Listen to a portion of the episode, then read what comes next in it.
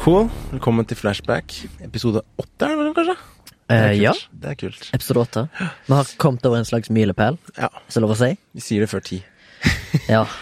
Mitt navn er Baba fra Oslo. Med meg har jeg Jeg heter Remi. Jeg er fortsatt ifra Haugesund, men bor i Oslo. Og Morten fra fortsatt Mo i Rana. Bor i Oslo. Men du som nå befinner deg i Kroatia. Du sitter i Kroatia. Ja. Kroatia! Det er litt. Kroatia. Trives? Dobra Levt. Dobra jutre. Du har allerede implementert deg med lokalbefolkningen, hører jeg. Ja, ja. Ja, men det er bra. Det er viktig. Ja. God morgen, god dag. Det er første gang der. Men det er kult. Det er liksom første langdistanse-podkastinnspillingen vi har, da. Ja, nå Ja. har jeg eh, på langdistanse. Meg og Baba sitter i studio her og ser ut som vi er to nyhetsankere. Uten å ha et kamera retta mot oss. Mm. Eller eh, for å ta en litt eh, bredere og folkelig eh, sammenligning, så ser det ut som vi sitter på bussen sammen. Ja. vi sitter liksom ved siden av hverandre og ser rett på deg da, med, med videohåndkjett. Så det er litt gøy. Jeg ser ikke dere. Nei. Nei. Sånn Så er langt strekker ikke teknologien. i Sånn er det vel på, på nyhetssendinga, da. Ja, Du er, nå er du i Kroatia og rapporterer til oss. Ja. Jeg slår av noe vifter på, på dass og aircondition, for det suser så at det så Det kan hende dere hører noen fulle svensker ute fra vinduet, men det får vi bare Da blir ja. i hvert fall produsenten vår, eh, Sondre, fornøyd med at han ikke får bakgrunnsstøy på din mic, i alle fall. Ja, det er fint. Så vidt. Ja. Vi får Kanskje. håpe at de, Jeg har ikke fått tid å teste kvaliteten på den, men eh, det blir sikkert bra. Håper det. Håper det. Hva sier vi? Skal vi i gang? Ja. I gang. Eh, Hopper det til eh, rett i flashbacksen, da. Jeg tenkte vi slutt, avslutter på Morten, ja, så kan vi to begynne. Ok, ja, fint. Du, skal du begynne? Eller jeg? Ja, greit, da. Den ikke? er veldig Jo, jeg kan det. Jeg kan det. Men bare eh, bare før vi går i gang, kan ikke du forklare oss litt, eller lytteren, hva er flashback? Ja, for det, det tenkte jeg på. Liksom, har vi noen gang sagt det? Jeg vet ikke. Vi kan kanskje forklare liksom det begrepet, da. Um, for det spurte vel eh, broderen min om også, da han eh, Ja. fortalte om at han hørte på podkasten. Kult. Vi har én lytter. Det er bra. Vi har én lytter. Bekrefta, iallfall. Ok, men jeg kan begynne, da, så kan dere fylle på hvis det er noe jeg har glemt. Ok. Eh, et flashback er jo et tilbakeblikk i filmsammenheng. Ofte et da, hvis du ser en TV-film, eller en TV-serie eller en film, så er det ofte et visuelt tilbakeblikk. Altså man ser i, i fortiden da, hva som har skjedd. For Ja. å fylle ut noe i nåtiden, for eksempel. Um, Et minne. Og så er det litt sånn play on words eh, for vår del, da, som jobber i bransjen, å bruke et eh, filmbegrep. Ja, for eh, podcasten. For podkastens del. Mm. For å forklare hva vi har sett i det siste. Og forhåpentligvis klarer vi å opplyse om noe nytt og spennende som kanskje folk bør sjekke ut. Det er vel egentlig det som er bak ukens flashback. Ja, men det må ikke være noe med sett. Det trenger kan ikke være, egentlig kan være noen opplevelser, mm, eller det kan ha vært noe annet kulturelt. mm, Bare liksom noe som har skjedd i fortida, da. Nettopp. Tenker jeg, for det, mitt flashback er i hvert fall ikke en film denne gangen. Nei, nettopp. Ja. Det er vanskelig å snakke om ting som har skjedd i framtida ennå, liksom. Så. ja. Ja.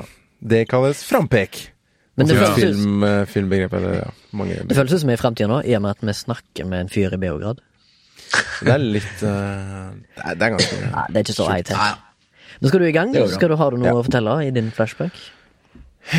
Uh, Ja. Men det er liksom Ja, det er for kort og godt, da. Det, Ja, Den er liksom ikke noe kjør på. Det er liksom artig. Jeg var på, på bursdagen til Ida for ikke så lenge siden, så var vi på en uh, alpakkagård. En alpakkagård. Yes, i Ja. Killingmo, som ligger ved Fettsund. Okay. Som var, var litt gøy, da, egentlig. Um, um, som um, Er ikke de som spytter? Jo, stemmer.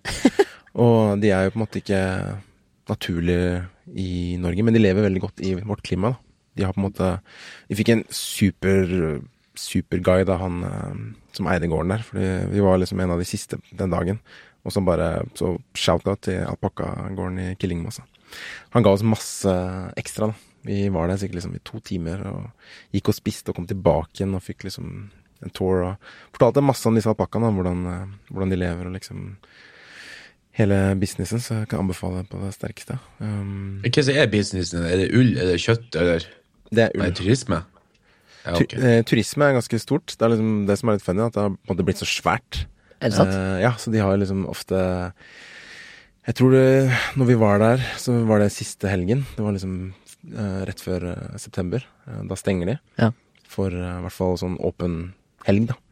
Men det er liksom fullstappa hver helg hele sommeren. Og det er ikke så mange av de gårdene i Norge heller. Jeg tror Hvis jeg ikke skal si feil, da kanskje om det var syv eller 20. Men det er ikke så mange da som Nei. har alpakkaer. Og ikke alle er i nærheten av Oslo heller. Ble det fortalt litt om eh, hvem, eh, hvilken type turister som besøker det? Er det liksom Alt. fra alle i verden, eller er det Mm. norske turister som går der? Eh, alt mulig. Men han hadde Det er sikkert flest norske, men han hadde en del eh, Hva skal jeg kalle det? Folk fra utlandet som bor hos dem og jobber liksom, De bor gratis, da, og jobber for han. Ja. Og så er det liksom Bare for får jobb med alpakka, liksom. Nei, for å være i Norge, da. Men så har de Sånn. liksom et sted å bo. Det blir Jeg vet ikke om De har jo sikkert stor plass, da, så det er flere steder som har sånne sånne ordninger, tror jeg. Men eh, de hadde i hvert fall mange av det, da. Kult. Um, så det var litt fett, da.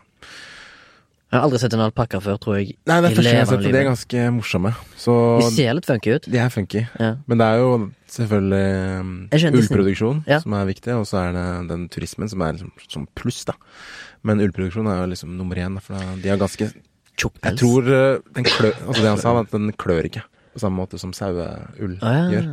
Ja. Så det koster ganske mye også. Um, men selv om uh, så alpakkaull er jo helt fantastisk. Jeg har jo prøvd en sånn skjorte en gang. mm, Men selv Jeg håper om ikke du har uh, på alpakka der nede du er nå, der det er 35 grader. Uh, nei.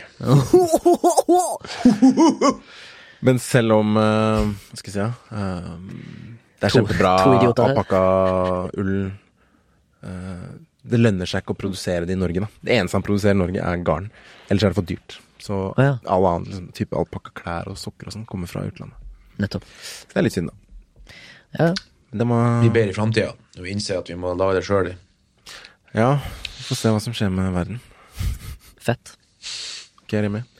Ja, meg? Eh, ja, jeg kan ta min eh, flashback. Altså i Det spørs jo hva tid du hører på dette, men i forrige uke, forrige helg, så var jeg på en eh, sjangerfilmfestival eh, på Cinemateket i Oslo som heter Ravenheart International Film Festival, eller RIF forkorta.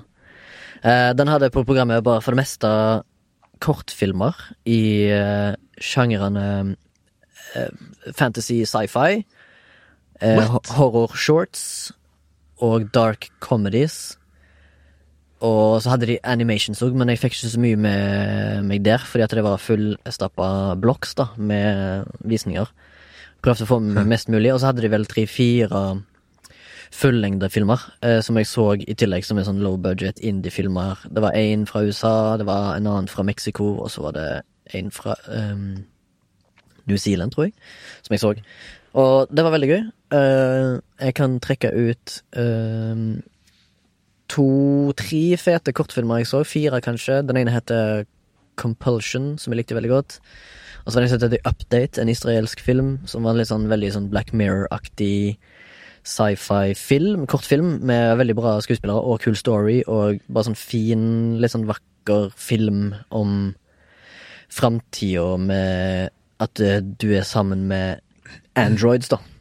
Eh, og så er det en fyr som har lyst til å oppdatere sin android til å bli ei ekte jente som han er forelska i, istedenfor at det er kona hans, liksom. Ja, vanskelig å forklare.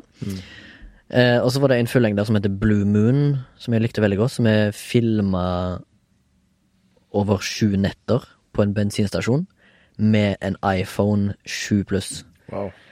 Eh, og så er det full Altså en fullengder ja.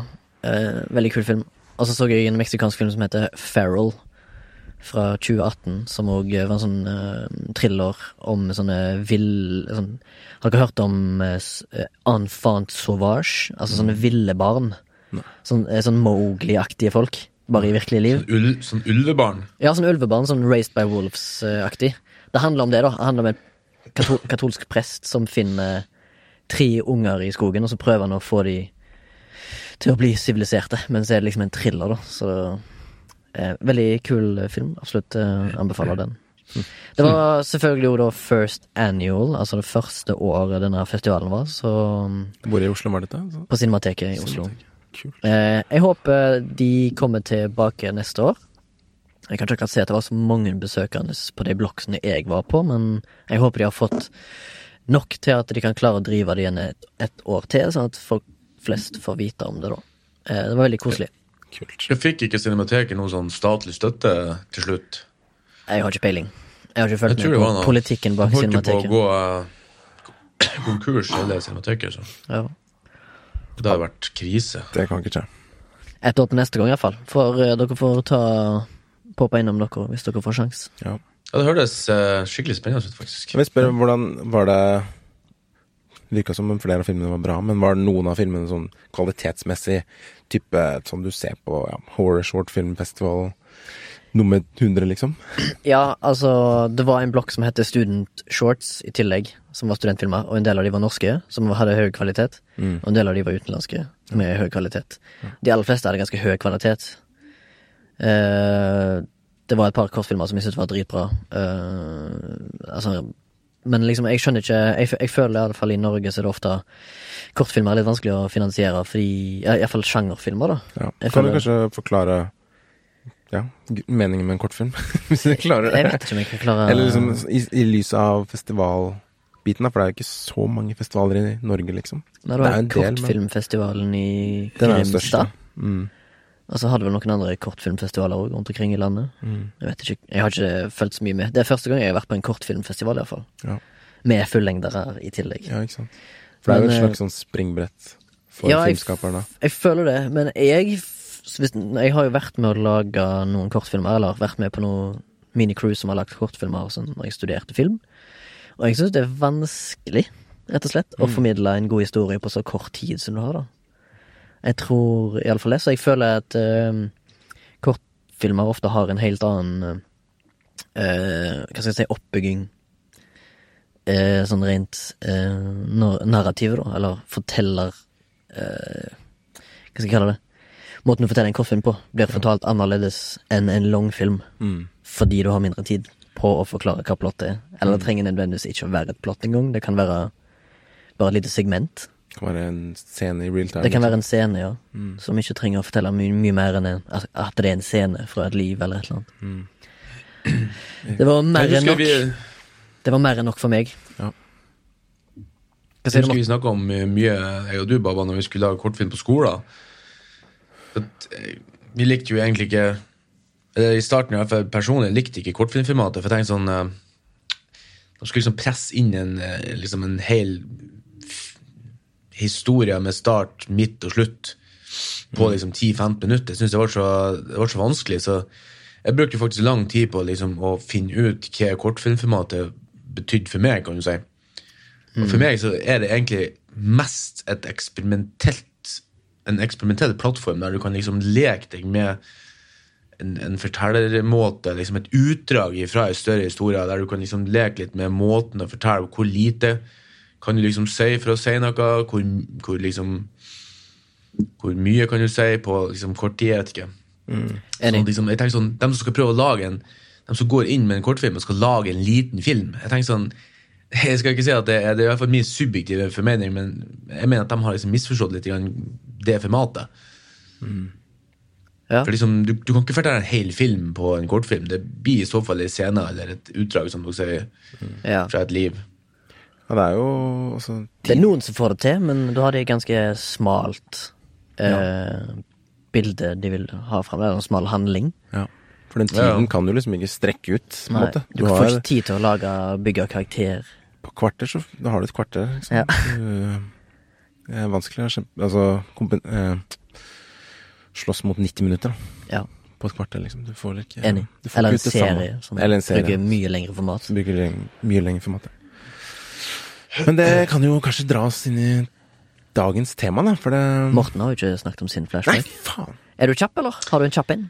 Jeg har jo ikke hatt tid å se noe siden sist gang vi var i studio, så jeg har eh, ikke sett så mye, nei. Er det noe som opple Jeg kan jo bare se at jeg er i Kroatia på Mesterens mester sesong 11, er det vel? Eller Ja. 12. Og Hva gjør du der spesifikt? Jeg er samme som hjemme, egentlig. Det, det koser ikke. Men det er litt mer sånn seriøst her. Vi bygger jo sånn der greier som de skal drive hoppe over og sprenge under og gud vet hva. Så det liksom det er, ikke, det er ikke fake, da. Vi er jo vant med å fake ting i filmen. Her skal det liksom Skal er litt mer Sånn her, det skal funke, liksom. Så det er liksom litt mer sånn ah, litt, Man blir litt svett. Hvem er det som har ansvar for at det funker? da? Det er jo vi. Så hvis vi ser at Så, du tryner eh, på, på TV, så hvis vi ser det noe knekke på TV-en, så får vi skylda på Det deg. ser du ikke. Nei. Nei. Det klippet de ut. Men dem, eh, vi, var, vi var jo med første gang i fjor, da, med meg og mitt team. Eller de, jeg er sammen med. Og de sa det til TV-produksjonen at det var jo første året at, at ingen av hindrene har svikta. da. Så det er jo litt, vi ble jo stolt av det. da. Vi la jo selvfølgelig alt i det. det. Faen, det er mye jobb. altså. Det er tungt. det er sånn her, Jeg vet ikke om noen har sett det, der, men det er sånn jerngrepet. det er liksom, Skal liksom alle ti deltakerne henge uti sånn her Sånn her eh, med en pullup-formasjon. Liksom, Henge lengst mulig ut i havet. Og det, Hele den riggen skal ut i havet. Det er liksom Det er like tungt som det ser ut til. liksom, den riggen. Det er liksom tjukke planker, liksom. Og... Så det er uh, mye jobb. Kort tid. Hva gjør dere med de tingene her etter dere er ferdige? Vet du? Nei, samme som i Norge, egentlig. Vi bruker å gi det til folk som er interessert i det, eller så blir det kasta, liksom. Det en eh, Det er den klassiske løsningen, det. Ja. Hjemme i Norge så bruker sånn bønder ta rede på um, sånne gamle ting hvis vi er litt utafor Oslo. Sånn treverk og sånn, de er glad i det. Ja. Ja, men så det vi får se om vi finner noen folk som tar rede på noe utstyr her nede. Det var egentlig en fin start på temaet, det. Det er jo det. Ja. Som en bransjeprat. Tenkte vi skulle fortelle litt eh, eh, hvordan vi jobber, eller kanskje noen historier fra arbeid vi har utført. Som Ja. har litt underholdningsverdi, kanskje. Det er vel egentlig det som er temaet, da. Og utfordringer og Ja, utfordringer med det å være frilans, eller, eller altså Eller bare det å være i bransjen generelt sett. Det er en utfordring for noen. Absolutt. Har du, noe, skulle, har du noe annet du har lyst til å si om det? Har du lyst til å begynne, eller skal jeg eh, Skal Nei, bare, jeg tenkte- skal bare la ballen Ja, jeg tenkte liksom ville høre litt mer Nå fortalte jo Morten eh, en del, da, men eh, liksom Ja, hvordan er det å skulle reise bort i seks uker når du er på en jobb, for eksempel? Med tanke på livet hjemme og de du forlater, og, og bo på hotell og Spør du meg? Yes? Ja. Jeg ser ikke noe billig sånn her. Nei, Nei, eh, det er jo selvfølgelig det er ikke første gang du har gjort det her.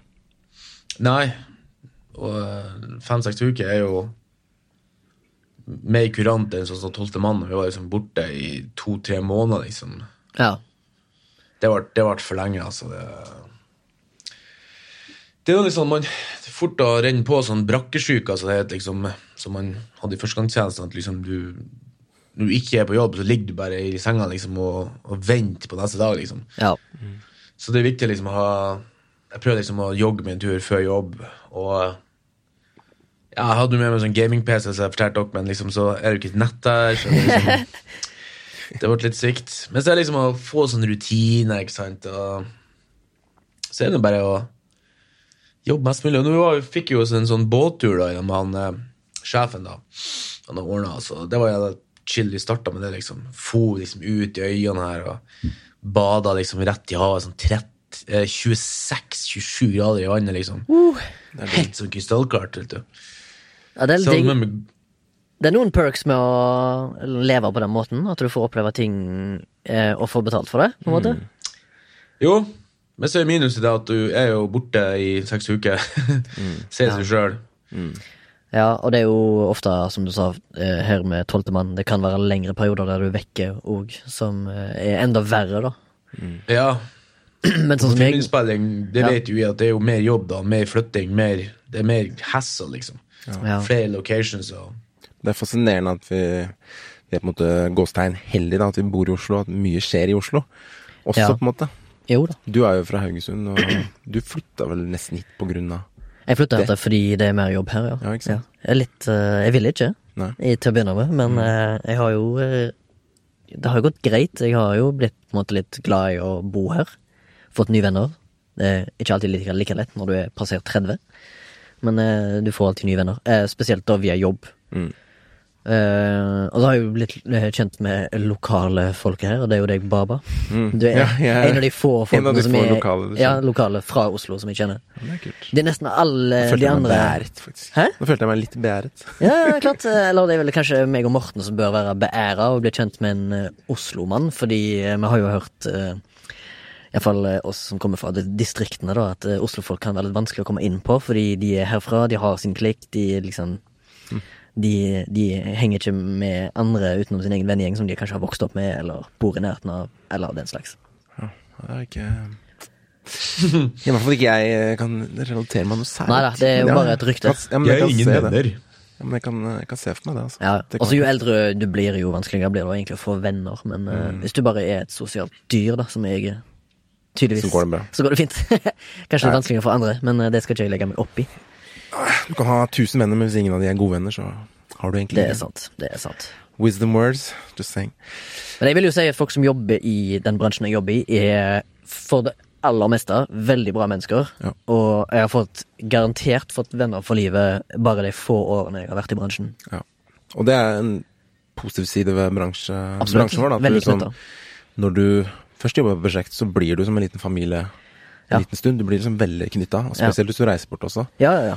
Um, fordi man opplever noe spesielt sammen, ikke sant, som man ikke opplever med Mm. de du, hvis du bare jobba på Klass Olsen, da, som jeg gjorde før. Liksom. Ja. Det er kult, det òg, men de drar du ifra. Ja, altså, jeg, jeg, har jo jobba som, vekter, liksom. Ja. Og jeg hadde knallgode kollegaer i den bransjen, men uh, det var rett og slett ikke noe for meg. Nei, I tillegg så hadde jeg en sjef uh, uh, når jeg jobba der, som oppfordra meg til å komme meg ut og gjøre det jeg hadde lyst til å gjøre. da Så han oppfordra meg hele tida til å stikke ut og studere, liksom. Mm. Studer det du vil. Du kan ikke bli jobbende, ikke bli jobbende her. Det er bra, da. Ja. Ser du Så- tilbake på han som liksom Ja, jeg vil si at han har pusha meg litt. Han har det, absolutt. Jeg, var jo, jeg er jo en annerledes person nå enn jeg var for la oss si ti år siden, da. mm, Når jeg først begynte i den vekterbransjen rundt den tida der. Da tenkte jeg eh, «Øh, jeg er bare en sånn liten kis som ikke har noe plass i verden. Jeg, jeg har ikke noe retning. Og så fikk jeg det, da, til slutt. Da tok jeg en sjanse. Som far min sa. Tok en sjanse. Ikke en dårlig- Prøver dårlig. fortsatt å få en sjanse, da. Det er ikke alltid det det er lett å holde seg eh, sysselsatt i denne bransjen. Nei, men uh, du sier noe der at det liksom handler om å føle at du er liksom på riktig vei, i hvert fall. da. Ja. I, uh... Det tar tid å opparbeide seg et nettverk som kan skaffe deg jobb, uh, men du må ikke forvente at det skjer uten egeninnsats. og det Ikke er, sant? Det kan være ganske Apropos, det kan jo være veldig Man blir som en slags familie når du er sammen, men igjen rett etter f.eks. de seks ukene, når du da har en periode hvor du ikke jobber på en stund, Ja. så kan det bli veldig ensomt, da, for du har liksom vært veldig tett, Ja. og så er det plutselig ingenting. Og så ser du alle kollegaene dine rundt deg jobbe som bare faen, Og så er du hjemme og og så sitter du hjemme og sturer. prøver å finne på noe lurt Ja. å gjøre.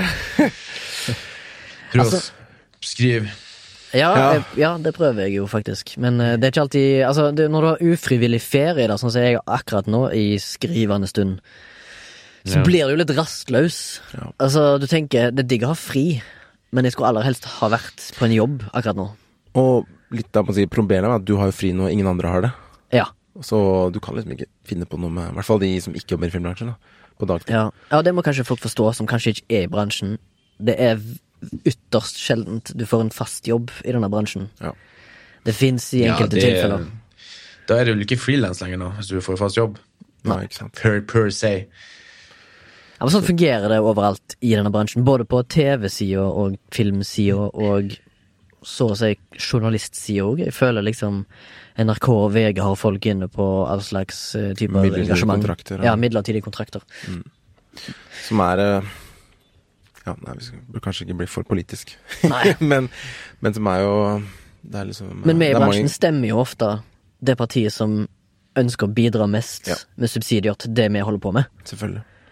Og det er derfor eh, mange i denne bransjen lener den, den sida som er eh, villig til å gi og satse mest på kulturprosjekter, da. Vi vil jo ha en bærekraftig jobb. bransje. Ja. Vi vil ha bein å gå på.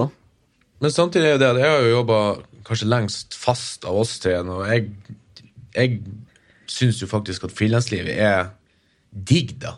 Jeg syns det er deilig med det der ekstra fri igjen plutselig to uker. ikke sant? At, men jeg, har jo, jeg var jo heldig, da. Jeg har jo liksom hele tida hatt et eller annet Det dukker bestandig opp et eller annet, i, i, i, i Art Department.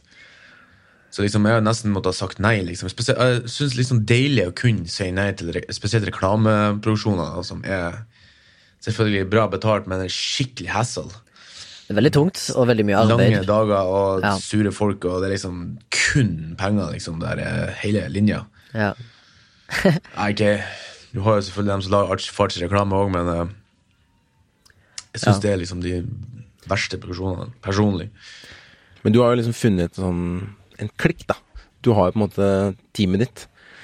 Ja, det er ikke liksom- så mange som driver på med det de driver på med, så det ble, ble fort sånn, egentlig. Ja, så dere får jo på en måte Når du, eller Tord blir hyra, så på en måte drar han med dere Dere har liksom ah, vi trenger Tord, liksom. Vi trenger Tord og gutta. Mm. Og det, Ja. det er jo på en måte Det er ikke mange andre som dere som gjør sånne ting, da. Nei, det er ikke det. Så dere har litt ja, Hva kaller man det? Ikke monopol, men jo. Ja, Nesten liksom nesten litt. innenfor det, da. Men jeg har hørt liksom eh, det, når det har liksom blitt snakk i korridorene på enkelte jobber jeg har hatt, og dekorsnekere var liksom Det var manko, da, og så hører jeg folk si ah, faen, ass, skulle gjerne ha klont eh, Tord og gutta hans. mm. For du... å få, få inn ekstra dekorsnekere som trengs når det først brenner på dass. kan du forklare, Morten, bare kjapt eh, hva en dekorsnekker gjør på et filmsett? For eksempel ja, bare sånn Ikke kjapt, da, men enkelt. Hvem jobber dere Jo, sammen med? Jo, Hva gjør du? Nei, vi er Hvis, det, Hva vi gjør? ja, liksom, hvis jeg ser en eh, TV-serie eller film, så hva er det dere har lagd, da? Hva er det dere bidratt med? I TV-serier så har vi sikkert lagd alt du ser, egentlig. Som ikke er løse, små ting. Det er han eh, Remi som setter på plass.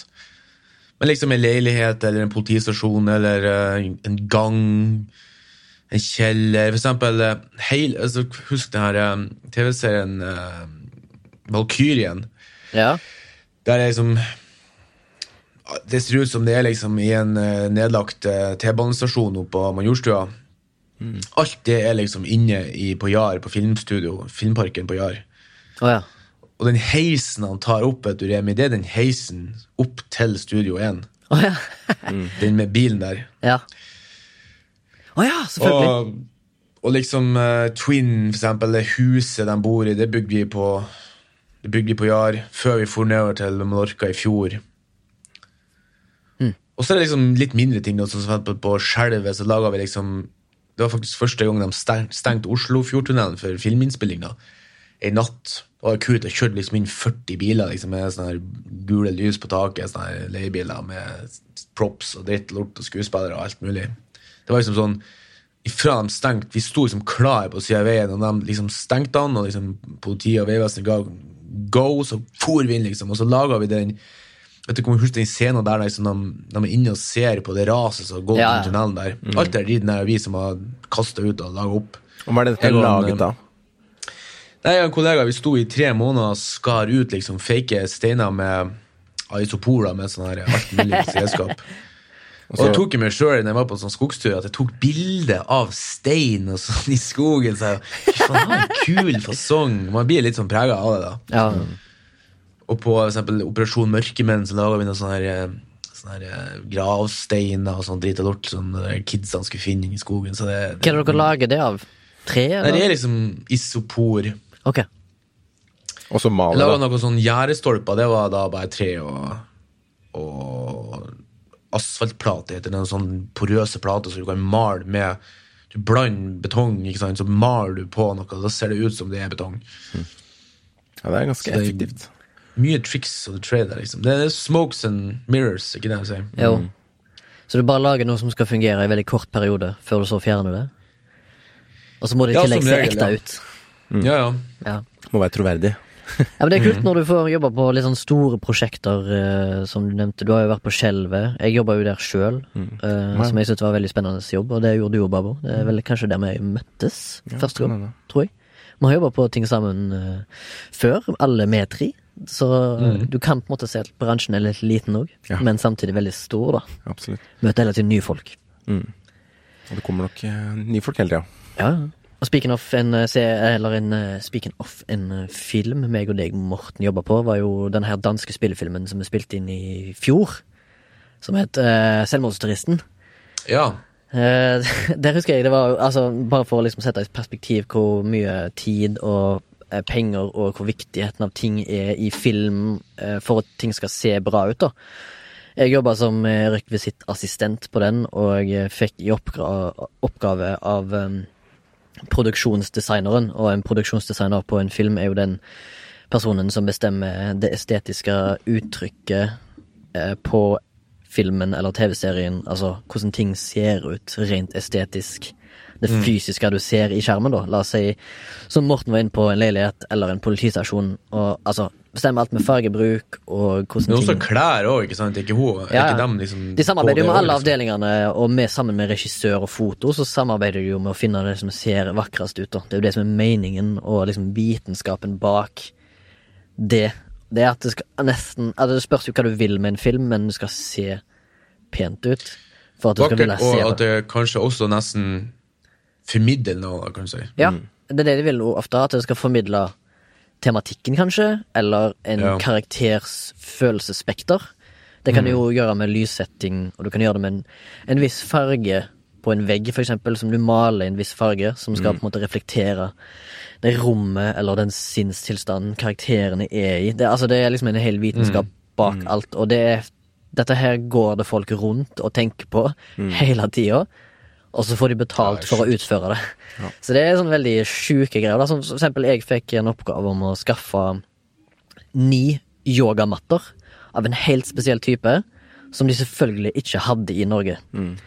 Så da måtte jeg gå direkte til produsenten av disse yogamattene. Det skulle være den og den fargen. Det var den min oppgave. Da tenkte jeg dette her skal jeg klare, liksom. Jeg har, la oss si jeg hadde fem uker på meg å skaffe dem. Jeg ringer rundt til folk som tar og bestiller inn yogamatter, og så får jeg til slutt en kontakt. Og så sier den personen ja, det skal vi skaffe, liksom. Vi har eh, direkte kontakt med Manduka, som da var produsent av disse mattene. Det var ikke billige matter heller, de var oppimot 1000 eh, kroner stykket. Men eh, produksjonsdesigneren likte de veldig godt, og de passet veldig godt inn i, dette her bildet eh, som de skulle ha, da. Med selvfølgelig en del store skuespillere som skulle bruke det i tillegg, så det var veldig viktig at de kom i tide. Så den oppgaven fikk jo jeg. Tenkte selvfølgelig til å begynne med at dette her skal jo bli lett. Ja. Det viste seg at uh, før vi hadde avreise fra Oslo og skulle pakke bilen med alle rekvisittene som vi måtte få med, og alle Art Department-ting som vi måtte få med, før vi reiste fra Oslo til Åndalsnes for å filme inn de scenene vi skulle gjøre der, så burde helst alt være med oss i Oslo, fordi i Åndalsnes bor det 2000 mennesker, og du får ikke tak i Manduka yogamatter der. Så da viste det seg at eh, de jo ikke kommet før avreise. Så da måtte jo jeg selvfølgelig nesten hver dag ringe opp til dere jeg hadde bestilt via, for å spørre hvordan det går an. Og da hadde jo selvfølgelig på et eller annet tidspunkt der disse yogamattene blitt stoppa i tollen, og det var et helt jævla baluba, og de, denne scenen skulle filmes inn på slutten av denne her eh, perioden vår, så jeg hadde jo fortsatt et par uker på meg å skaffe disse yogamattene. Men det viste seg at når de yogamattene til slutt kom, da, og det var kanskje ei uke igjen av eh, fristen Jeg skulle egentlig ha fått de mattene der for sånn tre uker siden, så hadde de kommet, alle ni, men i helt feil farge. Og da var det jo bare å sette i gang all, hele maskineriet. Prøve å få tak i reserve, ringe rett direkte til leverandøren. Eh, leverandøren beklagde seg som inn i helvete. Fikk hastesendt en sånn budbil ned til jeg vet, jeg vet det er, Nederland for å hente de og kjøre de til Åndalsnes. Kosta ekstra mye penger. De, de kom faen meg dagen før vi skulle filme. Og da hadde jeg hatt nesten seks uker på å skaffe de. Så så jævlig var det å få tak i. Men vi fikk tak i de, da. Og i tillegg da hadde vi fått tak i to alternativer som var mye styggere. Og pro- produksjonsdesigneren var sånn Ok, det går greit, men det er ikke det jeg vil ha. Og nå kommer det viktige spørsmålet. Ja, Ble de kutta? Eller er de med eh, Det vet jeg ikke. Jeg håper det er med. Det har ikke kommet ut nå. Nei, den, kom, eh, den har premiere i Er det november 2019, Morten? Var det Ja, det vi fant ut? Ja, vi, vi, vi, vi delte posteren her om dagen på Instagram-kontoen. Stemmer det. Nei, jeg tror Det det hadde vært utrolig funny om, det, om de faktisk ikke var med i filmen. Men du, det skulle ikke forundre meg, fordi jeg har vært med på lignende ting. Jeg har brukt ukevis på å skaffe som har blitt kutta fra ting. Ja. Men sånn er det Sånn er jobben. Sånn er jobben. Og det, det, det Jeg blir verken sur eller frustrert. Jeg bare vet at det, min jobb er å skaffe ting. Mm. Og det gjør jeg koste egentlig koste hva det koste vil, som, jeg, som de sier da. Men uh, en liten gest som var fin, da, at, at jeg hadde på en måte holdt hodet kaldt under hele prosessen, fikk jeg litt skryt for. Selv om inni meg så stressa jeg sånn inn i helvete.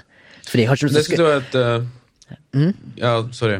Nei, jeg hadde ikke lyst til å skuffe produksjonsdesigneren, da, fordi at hun har ei høy stjerne i europeisk eh, sammenheng. Hun Ja. er Lars von Trier sin faste, liksom. Hun hadde liksom Hun hadde vel nettopp kommet Eller ikke nettopp, men hun hadde nettopp vært på innspillingen til The House That Jack Built. Mm. Det var liksom hennes forrige prosjekt. Så jeg følte jeg måtte levere varene her. Og da fikk jeg, på slutten av produksjonen, så fikk jeg en av disse mattene, da. Som en sånn slags Eller først så var de liksom De var ofte sånn så eier jo selskapene eier jo alle rekvisittene vi skaffer. Men eh, de hadde sørga for at jeg skulle i hvert fall få ei matte, da. Som liksom sånn Denne her har Remi faen meg slåss for i seks Mm. uker. Men de var, eh, de der to danske damene der, de var jævla proff. Dritproff. Simone Så, og Cecilia. Ja. ja. Faen, det var ikke vanskelig å, å se med en gang at de her folkene har jobba i store produksjoner, liksom. Og Ja, de har jobba noen år, da. De Ja. har liksom erfaring, og, og så vet at det er liksom ikke vits i å, å klikke for mye over småtteri. Altså, du skjønner ikke mer mener? At de liksom De var veldig sånn konstruktive, da. Ja, ja. Kom hele tida med løsninger istedenfor liksom å stå og hisse opp. og ja. som noen gang kan skje i bransjen, det har man jo alle opplevd, at man har vært oppkjefta over noe man egentlig følte man ikke hadde myndighet over. ja, ja. Ja, eller kontroll over. ja, ja. Men det, det er bare må du regne med. Og Det bli kjefta opp. veldig Ja, men det er som regel så er det veldig snar Ja. surt. Det går fort over. Ja. Det er vel dem da som har et har fått reprimander Du får bare ikke ta det ofte, ja. Må man liksom prøve ikke ta det personlig. Nei, nei. at det- Men det er jo sånn veldig gøy, da. Det er veldig spennende arbeid. Mm. Eh, noen sier at jeg er privilegert. Jeg vil kanskje kalle meg det, da. Når jeg først har jobb, så kaller jeg meg sjøl privilegert. det var en bra beskrivelse på det dere gjør, for det er det jeg føler at dere gjør. Dere driver og stresser over ei fuckings eh, yogamatta i månedsvis. Liksom. Det, er det, jeg, det, det er det jeg ser på Ja. I tillegg så har vi masse andre ting som vi må skaffe i tillegg, da. Ja. Ja, ja. Så dette her var jo bare én av tusen ting. ja. Jeg kjenner at jeg ikke skal bli den der ruta òg? Ja, stemmer. Det var vel i forrige Dagen før innspillinga. Fy faen. Det må fortelle. For det som vi gjorde da vi, det, Hele filmen er jo Eller mye av filmen skjer jo da borti Håndalsnes der, så vi bygde jo om hele turistsenteret på eh, Trollstigen om til et hotell, da. Liksom Kafeen var en sånn slags ja, resepsjon, og den eh, butikken der du kjøper sånn her nips, hva faen heter det nå? Turistgreiene. Ja, liksom du kjøper sånn Suvenirbutikken, da var vi om til sånn hotellrom. Ja. Så vi hadde jo med oss eh, eikepanel og whatnot og bygde hele driten. Og jeg tok jo det var mye jobb, men det var, det var et spennende prosjekt, for det var liksom gøy å bygge om noe sånt. ja, det var det. Og så bokstavelig talt dagen før, eller to dager før innspilling, så knuste jeg en av de sværeste rutene du kan tenke deg. Et sånn herda, laminert, sånn skuddsikkert glass på sida av liksom døra, der de skulle liksom filme fuckings De første scenene var der. De skulle starte der og filme. Og så skulle jeg bare ta ut liksom slangen fra kompressoren, det er sånn her du bruker til spikerpistol, og så jævla trykk på den, liksom, så psh, mista den, og så pum, for den inn, og så bare så jeg ut av Var hvit. Jeg bare står sånn her Jeg står, jeg kjenner bare Da kjente jeg bokstavelig talt bare tårene pressa på. Jeg sto rett ved siden av deg, og jeg skvatt, og jeg så bare panikken i øynene dine. Jeg var bare stående så helt apatisk. Da kom hun, Simone ut, liksom, bare la handa si rundt meg. Bare sa sånn Shit happens, sa hun bare. Ikke sant? Det er bare sånn Fy faen, det er kanskje det Altså, Har ikke hun gjort det, det altså, da, så, har- Du så har jeg sikkert jeg hoppa utfor eh, Du skal være glad at det var hun ass, som kom bort. Og Jo, det var liksom, men jeg tror kanskje hun skjønte det, og så tror hun så jo Nei, det her fikser vi. Det er jo bare Vi har forsikring og alt sånt der, ikke sant. Altså, så, men eh, vi fikk jo selvfølgelig ikke tak i sånn ruta, for den måtte jo spesialbestilles fra Tyskland. Det tok jo tre måneder å få tak i den. Men det kom noen sånn sporty sånne eh, glassmestere og bare skar ut ytterruta, liksom.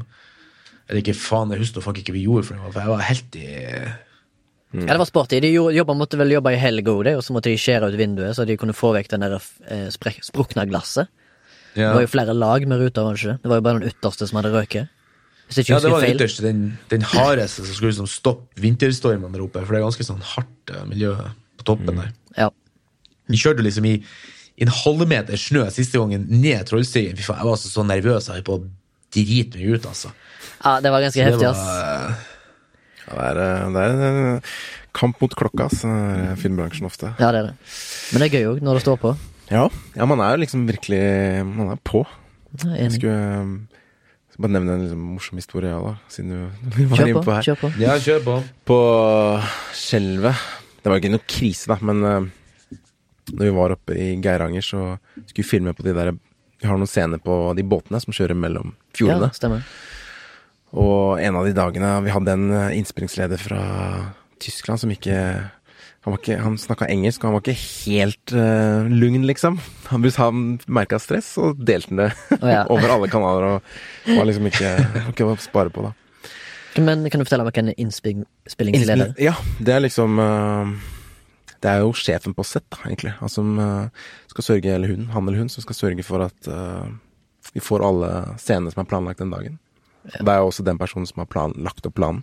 Har oversikt over alt og alle. Oversikt over alt, og Sørger for at vi rekker å få til alt. Følger med på klokka, styre produksjonen og prodassene, som da var oss, ikke sant. Mm. Um, er liksom Vet ikke hva jeg skal sammenligne med. Liksom, Du hører litt på navnet, da. Innspillingsleder. Ja. Han som leder innspillingen. Ja. Eller hun som leder innspillingen. Vet ikke om du har noen liksom, gode eksempler i forhold til Forsvaret, Morten? Hvis du kunne liksom sagt Hva skulle det liksom vært eh, En UB-korporal. Nei da.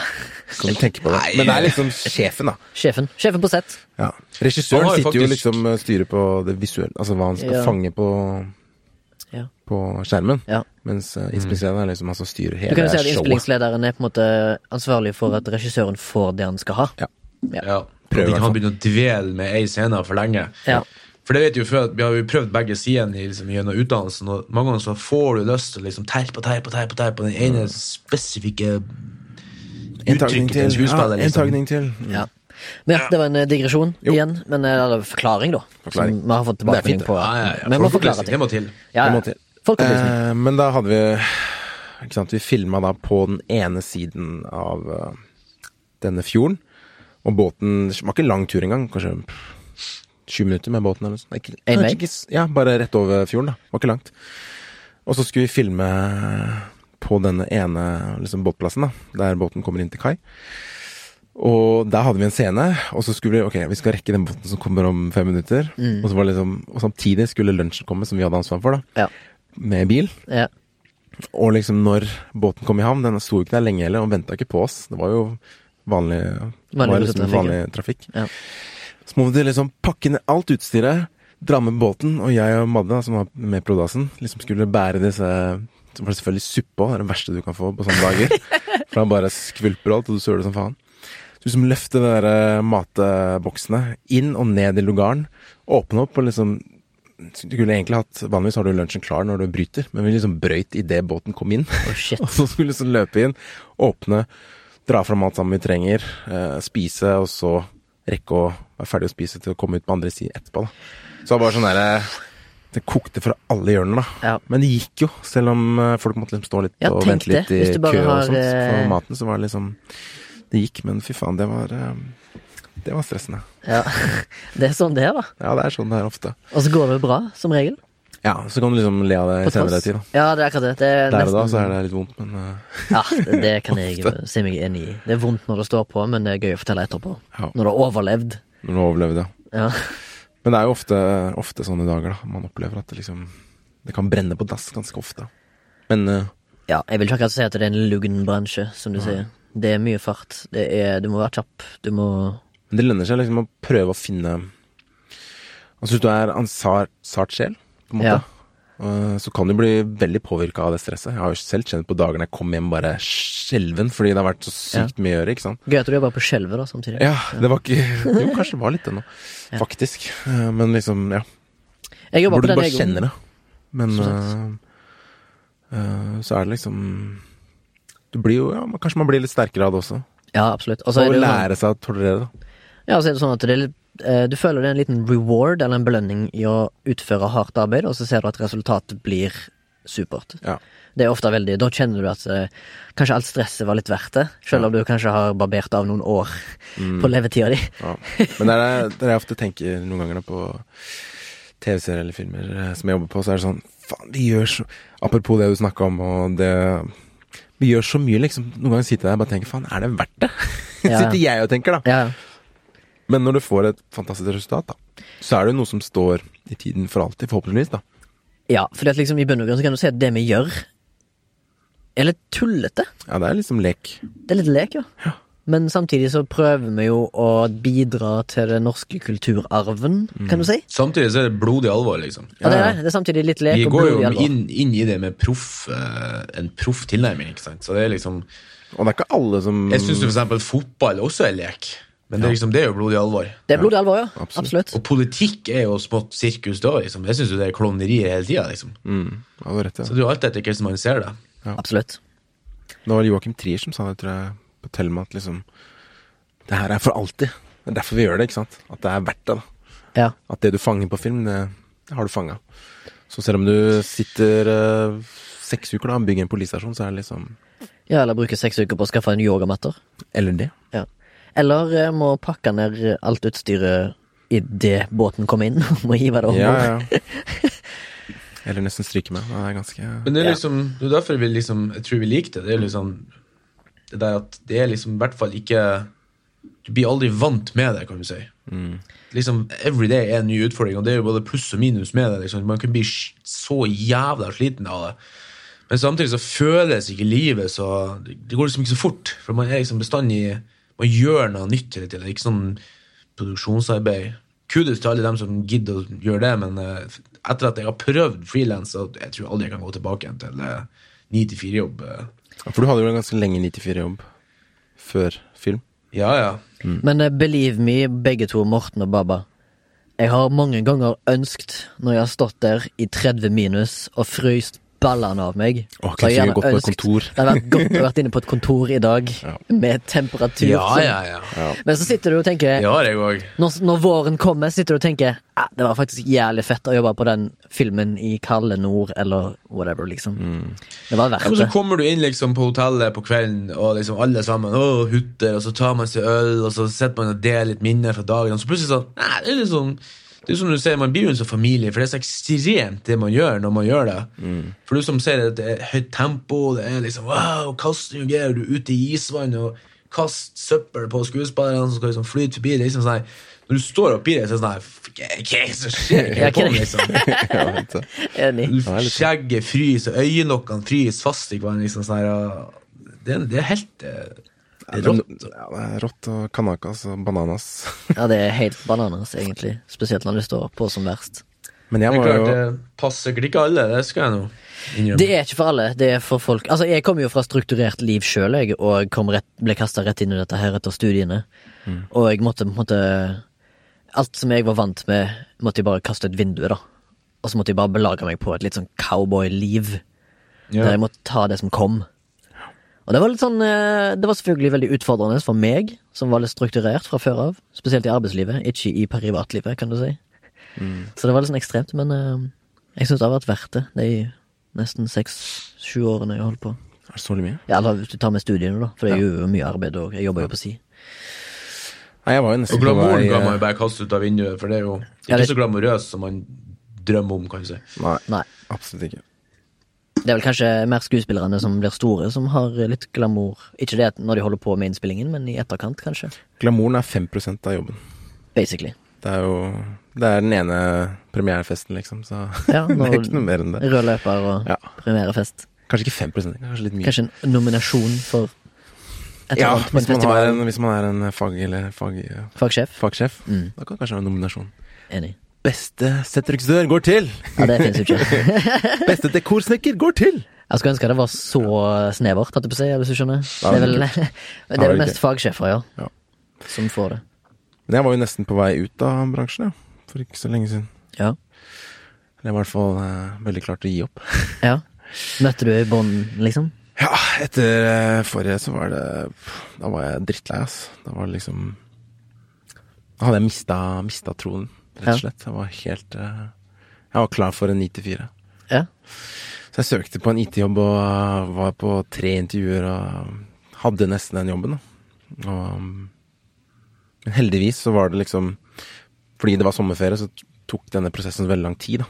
Istedenfor at det var intervjuer over kort periode, så tok det jo jeg tror jeg var første gang i starten av juni, ikke sant, og så siste nå i august. Så det var liksom to måneder. da. Så jeg rakk å få litt sånn avstand også. Ja. Og tenke, og reflektere. Ja. Uh, og skjønte at liksom det var jo egentlig ikke riktig valg å gå den veien for meg. Um, Du er ikke ferdig her? nei, jeg hadde, nok eh, snudd ganske tidlig hvis jeg skulle liksom prøvd å lande der en periode. Ja. Uh, det, og det er jo litt av utfordringa, at man liksom Men man tenker noen ganger at ja, gresset er liksom grønn, grønnere på andre siden. Men uh, Det er ofte sånn, dessverre. At du tenker det. Ja. Men det er ikke alltid det er det. Når du Nei. først kommer over på andre sida, så er plutselig gresset grønnere på den Ja. sida du kom fra. Og jeg så liksom for hverdagen treffer deg, liksom. Ja, og jeg så liksom for meg livet Ikke Jeg så ikke for meg liksom hvordan det var å være på jobben fra 94 og jobbe med datatekniske spørsmål, liksom, men mer sånn livet med fast jobb, da. Åh, fast inntekt. Trygghet. Ja, trygghet i økonomien, ja. Bil. eh, Trygghet til barn, liksom. Alt sånn der, da. Bare at det Ja. ordner seg. ja. Men du skal jo faen meg sitte der Du skal være happy med det du gjør. jævlig mange timer, da, i 365 dager i året, liksom. Ja. Og eh, det er ganske mye ulykkelighet hvis du liksom ikke trives med det du gjør. Spesielt, eller hva skal jeg si det, nå glorifiserer jeg vår bransje, men hvis du har allerede på en måte fått smaken av blod, og plutselig ikke ha det lenger, da, hvis du har hatt liksom gøy i bransjen, men det har vært litt uh, turbulent, det har vært opp og ned, økonomisk sett så er du ikke alltid trygg, Uh, av og til så har du ufrivillig fri, og så liksom kommer du og lander i en jobb, og så tenker du ah, nå er jeg trygg, men så begynner du å kjede deg ganske fort, Ja. du blir lei ganske fort, du blir kanskje, som du sier, ulykkelig, Ja. og ønsker deg tilbake. Og det er som du sier, at Morten, man, når man ikke Når man har de periodene med fri, da, at liksom man, man rekker liksom å tenke litt og slappe av. Jeg tror mange som måtte jobber ni til fire og i tillegg har barn, at det liksom, dagen går, og tiden går så fort. da Du liksom har ikke tid til noe. Ja. Og Vanens makt det dreper jo hjernen, ikke sant. Ja. Mm. Og så plutselig så har det gått ti år, og så går det ti år til, og så hvor ble det av all tiden, da? Så mm, Nei, jeg tok jo 81 på hælen og bare fuck, jeg må tilbake Ja. til filmbransjen. da. Nå skal tilbake. jeg prøve å satse på liksom, det jeg har lyst til. Liksom, vi bare Hei! Tar imot med åpne armer. Men du, ja, du vil satse på, sier du. Nå er det manus som er eh, Det er passion, og det har vært siden jeg begynte på Westerdals, og siden jeg gikk gjennom Westerdals, og før Westerdals, og etter Westerdals, Ja, liksom. Det er, det Du er lever det ånde for som det. Er, eh, det er det som er Altså, det er det Det er der det begynner for meg, da. Hvis jeg står på et filmsett og liksom skal liksom tro på at ja, faen, alt er verdt det, må det være fordi jeg tror på manuset, ikke sant. Jeg er helt Det er enig. derfor jeg vil være der, på Ja. dette stadionet, og liksom sørge for at dette, dette har potensial til å bli bra. Absolutt. Ikke la oss skyte oss i foten, liksom. Starte på Men du, eh, du fikk nå litt sånn smaken på det på Seashore, gjorde du ikke det? Jo, det var jævlig gøy. Da var jeg jo ikke manusforfatter, men jeg var liksom liksom Var du uh, manusredaktør, er det det du kaller det? Ja, og hva er det? det bare, Liksom, jeg føler du jeg satt og knytta sammen manus og Um, da satt jeg og og- Faen, jeg er spent på den serien, altså. Ja. Uh, da satt jeg jo sammen med regissøren, og vi hadde på en måte fått tilsendt manusene av manusforfatteren, da. Uh, så de var på en måte hash, hashtag, sier jeg. Gåstegn låste. hashtag klart. Eh, og um, da fikk vi på en måte mulighet til å ha leseprøve på det, da. Samtidig som vi gjorde research på disse poli, altså polititekniske tingene, da. For det er jo Ja. to etterforskere som jobber sammen. Um, Og du vil ha det så genuint og du har det så ekte som mulig, da, Ja. samtidig som du krydrer det med fiksjonelt. Ikke sant? Ja. Men liksom, du skal Hvis du Du skal liksom kjøre på høyresida i Norge, ikke venstre. Sånne ting. Ja, da, bare ja. sånn, Man skal liksom Det skal ikke være dumme ting som folk tenker ah, faen, det er jo ikke sånn det er på ekte. Nei, men du kan ikke alltid dekke deg heller. Noen ganger så må du ta deg kreative Ja, ja. friheter for at det skal funke på skjerm. Absolutt. Og uh, det som er litt funny, at vi Jeg tror det er første episoden, så det var masse Det var mange, mange tråder da, som liksom ble introdusert, som jeg tror Ja. var litt mye. Som jeg har lært i etterkant, da jeg snakka med Rune, som er regissør, og folka på Miso. Eh, når de snakka med produsenten i Danmark og sånt, altså de prøvde å liksom gjøre det litt renere, da. Mm.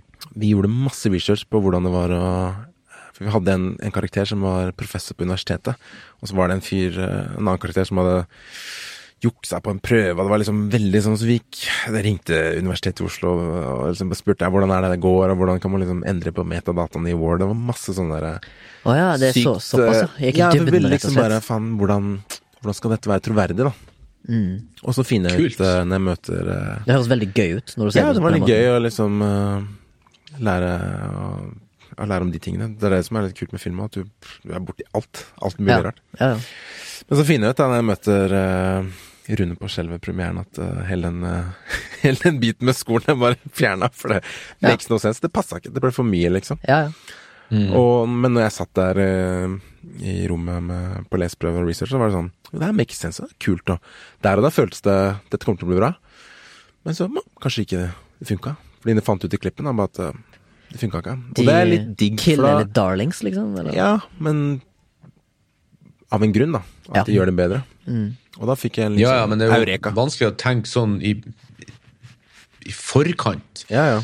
Man må liksom gå inn i hver handling med full profesjonalitet, liksom, og tenke i etterpå at liksom, ja, alt passer i hvert fall. Eller alt kunne vært med. Så det er liksom opp til de, de kreative Absolutt. Men det var liksom Og- deilig å bare sånn Ja, faen, jeg tok Eller jeg, vi tok feil, kanskje, da. Og liksom bare sånn Du, klar, du kan fortsatt lære. Ja, ja, klart. Så det var skikkelig kult. Eureka moment, som du sier. ja, men det kuleste burde være å dra ned på Kripos og snakke med krimteknikere, altså hvordan de jobber. Ja. Faen, det var så gøy, altså. Å bruke den lærdommen, da, Ja. i historien, liksom. For vi Ja. fikk jo lov til å endre litt på historien, og det er kanskje noen greier inn der som jeg får si ikke jeg har gjort aleine, da, men i hvert fall hjul- hjulpet til med, føler jeg. Det er gøy når du kan se ditt eget resultat. Jeg får se når det kommer på TV, da, om det, liksom, om det funka eller ikke. Når kommer det Det har skifta navn til Besatt Oktober, Ja, besatt. Mm, November eller oktober. Oktober, ja. på Viaplay. Ja. Håper liksom det blir bra. Men alle sammen, vi jobber der. Ja, stemmer det. Faen. Jeg har sikkert nevnt det før, men uh, sier det igjen. Det må vi diskutere i podkasten, da. Ja. Vi har sett første episode. Ja, det må vi gjøre. Jeg, eh, jeg bygde jo politistasjoner. Det var én av fem det året. eller noe sånt. Jeg var på rekvisitt, så jeg skaffa jo alle tingene som var inni politistasjonen. Blant annet. Med mitt, så den leiligheten team. òg bygde vi. Kjelleren og Ja, ja, flott leilighet. Så er det det jævla det hølet som eh, Det gleder jeg meg til å se. Ja, det som blir større, ja. Ja, Det er mye kjelleren. kult, det er mye kult. Oi, oi, oi. Nå teaser vi. oi, oi, oi, oi. Men, uh, nei, da, men i hvert fall ekstremt kult å liksom bare bruke researchen i fiksjonelle arbeid. Da. Liksom, bruke det til din fordel. Det blir bare bedre, rett og slett. Forhåpentligvis. Vi får se. Vi får se. Vi får se.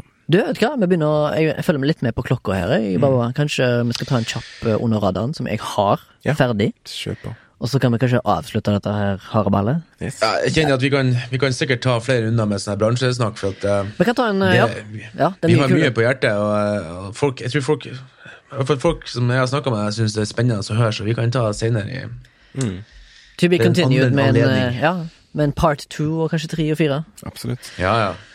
Anyways, vi skifter litt gir, da, kanskje. Eller det er ikke gir, vi skal holde oss i Skandinavia, på en måte. Jeg snakker jo alltid fort, og beklager Det beklager jeg til folk som hører på, som kanskje ikke skjønner min dialekt så jævlig godt, men eh, Jeg har ikke fått noe feedback eh, på det. Så. eh, Ja, du, You're Morten, good. du har jo du har Sikkert jo, ingen som skjønner meg. Nei. Men du er lett å parodiere, da. Ja. Nordland. Du klarer ikke å parodiere deg sjøl. Jo, men jeg, jeg, kan- jeg kan lage sånn der fake nordlending. Sånn Han Steinkjer var ute på skien og for og fiska. Det er jo bare Ja. å dra på ekstra. Det høres bare ut som deg. Nei da. Ja, ikke sant. Men eh, min eh, Ja, jeg, jeg mener Jeg vet ikke om det er, en se, det er en serie jeg skal snakke om som jeg føler ikke alle på en måte orker å se, fordi Og det forstår jeg veldig godt, men jeg har nå brukt sammen med en kompis da som jeg eh, stikker til og ser denne serien, som heter Too Old To Die Young. Yeah. Har jeg snakket om den før? Det vet jeg ikke, men jeg nevner Nei. den iallfall nå, for nå har jeg, jeg endelig sett den ferdig. Etter Jeg har har hatt muligheten til å se den på ei uke, liksom, men jeg har nesten brukt to måneder. Fordi det er så tungt. Og det er så um, Altså, han har et veldig spesielt uttrykk, han dansken som har laga det, som heter eh, Nicolas Winding Refn. Refn. Han har blant annet lagd Drive og Pusher-serien er og. Neon Demon. Ja, han er dansk, ja. Mm. Hvordan sier du etternavnet hans? Jeg vet ikke, jeg sier Nicolas Winding Reffen. Ja. Jeg, jeg har jo skarre her, det har de i Danmark òg.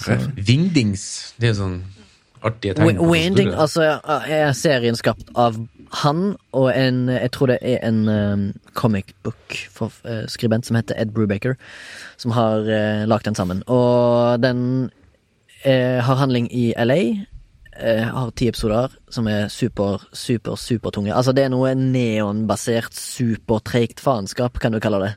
Det tror jeg sjangeren, faktisk. Neonbasert. Neonbasert, syrete, supertreigt faenskap. Shit. Han ble Det virker som han liksom bare forelska seg i neon etter Drive. Ja. Han hadde jo en eh, film som heter Neon Demon, som kom Ja. etterpå. Som jeg synes er veldig kult. Hva, hva det betyr neon? Altså, er det fargene, eller er det Ja, det er mye sånn strobelys og mye sånn sterke, sterk lyssetting han bruker. Mye rødt og blått. Mye rødt, blått og lilla og grønt. Og det er veldig sånn du, Det er God Forgives også. Den, Only God Forgives. Only God Forgives. med. Ja, den er også veldig sånn sterk med lyssetting, og han er veldig glad i det. Og så er det veldig sånne lange, lange, lange dronende dialogbaserte scener. Som er sånn veldig treige sånne kamerapans, altså når, når kameraet beveger seg veldig, veldig sakte. Alle skuespillerne snakker veldig mumlete og lavt og sakte.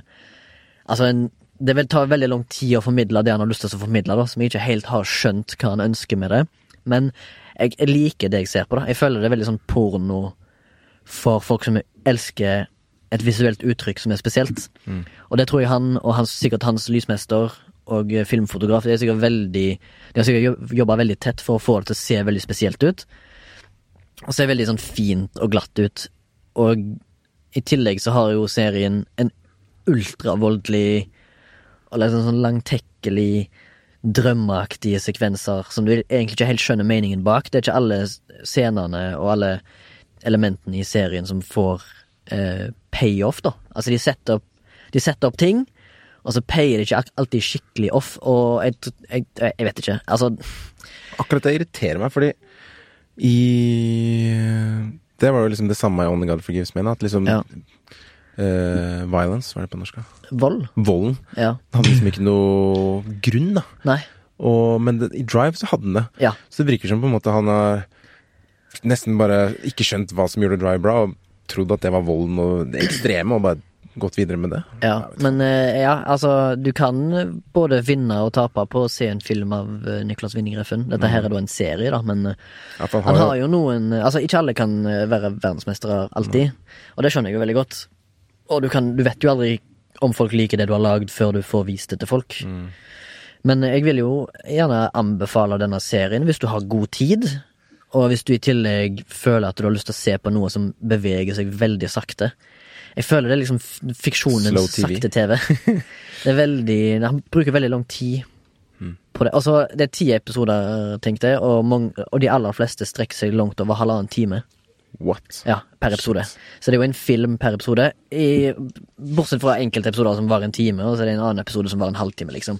Så han har e- egentlig ikke noe sånn særlig TV-struktur på det. Så hva handla serien om? Det handler om Jeg føler det handler om eh, to eh, Eller hva ga den deg, da? Er faksjoner. Ja, nei Hva ga jeg, eh, Har du lært Ga meg bare egentlig et bilde av eh, hvor jævlige mennesker kan være, og hva de er villige til å oppnå for Jeg tror det er veldig sånn mye hevntematikk, og så i tillegg så er det veldig mye sånn i, det mange, Du blir introdusert til veldig mange iskalde personer som du føler er helt hjerteløse, som bare er ute etter egen vinning. Og det er ofte tematikken i hans ting da som han lager, det er veldig eh, hjerteløse personer som har mye darkness over seg. Får ikke håpe han er like hjerteløs. Men det er en ganske stjernespekka serie. Du har Miles Teller, som er kjent fra Whiplash. Du har han andre eh, som du følger i den serien, som heter Augusto Aguilera, som jeg tror er en meksikansk-amerikansk skuespiller som jeg ikke har sett noe særlig mye før, men han er iallfall veldig prominent i serien. Det er òg ei kvinne som heter Nell Tiger Free, som er en skuespillerinne som er fra England, som har blant annet spilt i Game of Thrones. Veldig ung, uh, up and coming. Og så har du jo gamle travere som Jenna Malone. Og så har du òg en eh, superherlig karakter eh, som heter Damien Eller, ja, han heter vel Damien, som blir spilt av en skuespiller som heter Babs Heter Babs Olusanmokun, er det den heter? Vet ikke Nesten sånn som mitt navn. Nesten ditt navn, ja. Babs. Han, Han er fra Nigeria, Ja, nei, kanskje det. jeg tror. Han er iallfall superkul. En av de mer eh, fargerike og fine karakterene i, i serien. Det er kult. Absolutt. eh, han, eller han, han som har mest hjerte, da, kan du si. Selv om han òg er en iskald kis som er ute etter egen vinning, men han har iallfall en Han har noen scener som jeg syns er veldig underholdende. Da. I forhold til Altså Miles Tellers, Teller sin karakter, han er veldig sånn pragmatisk, stille fyr som bare er iskald hele tida. Mm. Men han spiller bra, da. Det var min Kult. under radaren. Nei, det Får se om jeg Hvor er, hvor er må komme Amazon egentlig? Prime. Amazon. Prime. Ja, det er en originalserie fra deg. Er det Det må du se på Amazon Prime. tablettene, liksom? Eller er det noe du kan få på TV-en også? Eh, ja, passe. du kan si det er akkurat som Netflix, bare det er Amazon Netflix. sin. Og så er det Mye koster Jeg billigere. tror, jeg tror jeg har installert appen på Apple TV. Men jeg har Det er billigere. kjøpt. Billigere enn Netflix? Ja, det er billigere. Det koster seks dollar, tror jeg, i måneden. Ja, det koster sånn 60 kroner. Shit. Og de har masse originale Ja, serier. jeg vet det. De pumper ut med serier, liksom. Nei, det blir eh, tøft om eh, når Disney og sånn også kommer ut. Og Apple TV Apple Plus eller hva faen. Ja. All right. Takk for uh, følget. Ja, er det ikke noen vi skal kanskje Jo. takke? Vi må takke Soundtank, Ja. som har produsert dette for oss. Ja. Sondre sitter nok en gang på spakene her, Ja. med glimt i øya. Uten han så hadde vi ikke, faen ikke vært her. Nei. Og Jeg har klart til og med å pense inn av Bjørnadal fra utlandet. Ja, det er Ikke verst. kult, ass. Det er Og hvis dere liker eh, showet vårt, så er det bare å gi oss en melding på Instagram eller eh, Send via oss gjerne en mail hvis du ønsker. Mail er veldig fint. Hvis du har noen klager, kanskje. Kanskje vi kan svare på dem. Konstruktiv og destruktiv kritikk, holdt jeg på å si. Både gode og dårlige tilbakemeldinger. Ja. Og så er vi også på Vips hvis du har lyst til å gi oss en liten økonomisk eh, greie. Det hadde vært nice, for vi Det gjør dette her absolutt gratis. vi gjør det her uansett om men, vi har eh, penger eller ikke, vi. Ja, Men uh, prøver i alle fall å nå ut til folket. Kanskje vi har noe positivt å komme med. og da må du gå inn på bedrift, mener jeg, og så søke etter Soundtank med A, da. Ja, på På Vips, Ja. altså. Og der er det vel 50 kroner som er minste Ja. Vi vil gjerne òg ha tilbakemelding på det, da. Om det er greit, eller om det vil ha fri. Altså at du velger sjøl. Ja. Du kan gi en krone eller Kanskje. 100, liksom. én krone. Ja, det er noe. Vi tar alt. Vi tar alt. Ok. Og hvis Lervik hører på, så har kunne ikke vært sponsa. Men Er du arena, Morten? Jeg trodde du hadde lagt på. nei, nei, jeg, er- Nå sitter jeg og hører jeg på. Jeg han. er siste, Siste stund. siste knykk. Det er bra. Det er godt å høre. Kos deg videre i Kroatia, da, Morten. Takk. Jeg kan sende bilde fra studio. i- Ja, ikke frist oss, vi sitter i kalde Norge her og Det må vi legge på instaen, da. Eller kanskje det er Ja. Inside. Vent til episoden kommer ut. Ja, hvis du Til neste år en gang. Neste. Vi setter pris på om du, hører, du som hører på, kanskje deler det med noen du føler trenger å høre dette. Ja, Takk, absolutt. vi takker jo selvfølgelig for de små og få lytterne vi har, men vi bygger oss alltid kraftigere. Okay. Ja. Ja. Hvis du syns det er kult, så del. Del, lik, Lik og del. lik og del. Takk. God Ha det. Hei.